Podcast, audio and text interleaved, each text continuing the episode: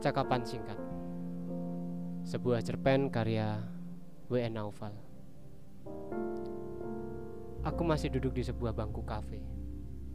Kopi sudah tersaji sejak pukul 4 tadi. Kini kopi itu sudah tatas. Hanya menyisakan ampas di dasarnya. Aku mengaduk-aduk seisi gelas yang berjelaga itu Sambil membenamkan diriku ke dalam segala angan dan ingin yang sama sekali tidak pernah aku mengerti. Lalu membaca buku-buku Pablo Neruda dan kurasakan betapa aku sangat kesepian. Sepi sedang memelukku dari segala penjuru. Melanjutkan pekerjaan menulisku dan menghasilkan tulisan-tulisan sepi. Hampa begitu terasa hambar di sekelilingku. Aku mencintai dia, dan sesekali dia juga mencintaiku. Bagaimana aku mampu menolak mencintai mata yang damai dan teduh? Tapi kini dia sudah jadi milik orang lain. Aku mencintainya. Begitu juga dia yang sesekali mencintaiku.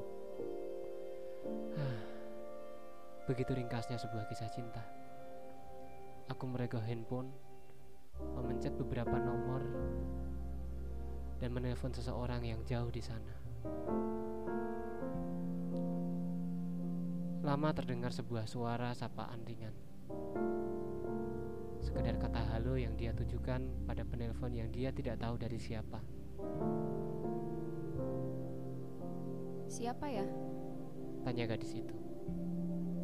Aku. Anda siapa? Dia bertanya lagi. Entah lupa dengan suara yang dulu saban hari berdialog dengannya atau sekedar memastikan bahwa penelpon misterius ini bukan aku. Anwar. Aku mengaku juga. Anwar. Kenapa tiba-tiba? Suaranya seakan-akan tercekat di pangkal tenggorokan. Seperti terkejut, tapi ia sudah menduganya. Atau seperti bertanya, apakah mimpi buruk ini terjadi? Dan ternyata mimpi buruk itu benar. Aku menelponnya. E, sekedar ingin menyapamu. Apakah kau sebahagia dulu? Paling tidak saat masih bersamaku. Sebuah pertanyaan sekaligus pernyataan yang begitu tidak tahu diri. Sebahagia kau saat ini Anwar? Jawabnya. Aku tidak begitu bahagia, jawabku. Begitu juga aku. Dengan suara yang lirih. Apakah maksudmu aku sengaja memutus kalimat? Kalau maksudmu apakah bahagiaku adalah saat bersamamu? Jelas itu bukan. Aku hanya kurang bahagia sekarang. Semua orang punya masalah, bukankah begitu? Ini bukan berarti saat bersamamu dulu lebih membahagiakan daripada sekarang. Katanya dengan suara yang lebih mantap. Aku menduga di seberang sana dia sedang tersenyum sinis, membuat perayaan kecil atas jawaban pertanyaan pertamaku. Ya, kuakui dia memenangkannya. Aku memilih diam, tidak menjawab, sekedar mendengarkan suara nafasnya. Sesekali terdengar rengekan anak kecil yang meminta untuk digendong. Selebihnya cuma diam dan hening yang lama. Jika sudah tidak ada yang ingin kau katakan, aku harus pergi sekarang. Katanya lagi. Dan aku masih diam. Setidaknya dia menunggu lima menit sampai bunyi suara telepon yang diputus pihak terdengar olehku. Masih kupegang handphoneku pada posisi menempel di telinga. Dan sudah tidak ada orang di sana. Hanya gerakan palsu. Seolah perbincangan itu masih berlanjut. Kafe itu makin ramai.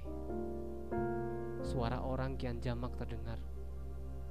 Lalu lalang manusia hilir mudik melewatiku. Suara tawa dan musik sudah keras dimainkan. Lampu-lampu merkuri menyala pada setengah enam sore.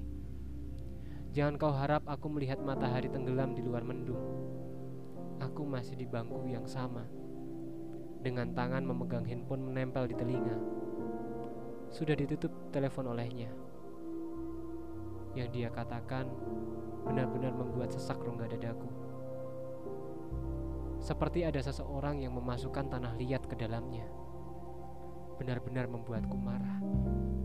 Bukan karena seolah dia menghinaku, tapi karena dia benar.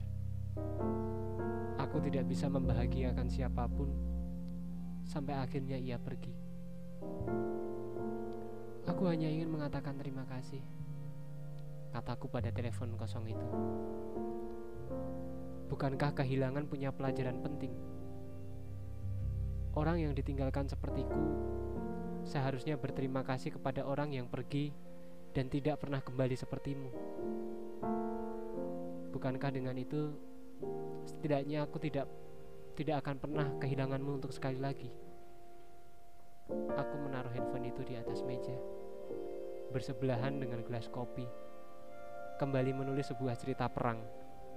Ya, mencintaimu sama halnya dengan berangkat menuju sebuah peperangan. Aku tidak akan pernah kembali dengan keadaan utuh seperti semula.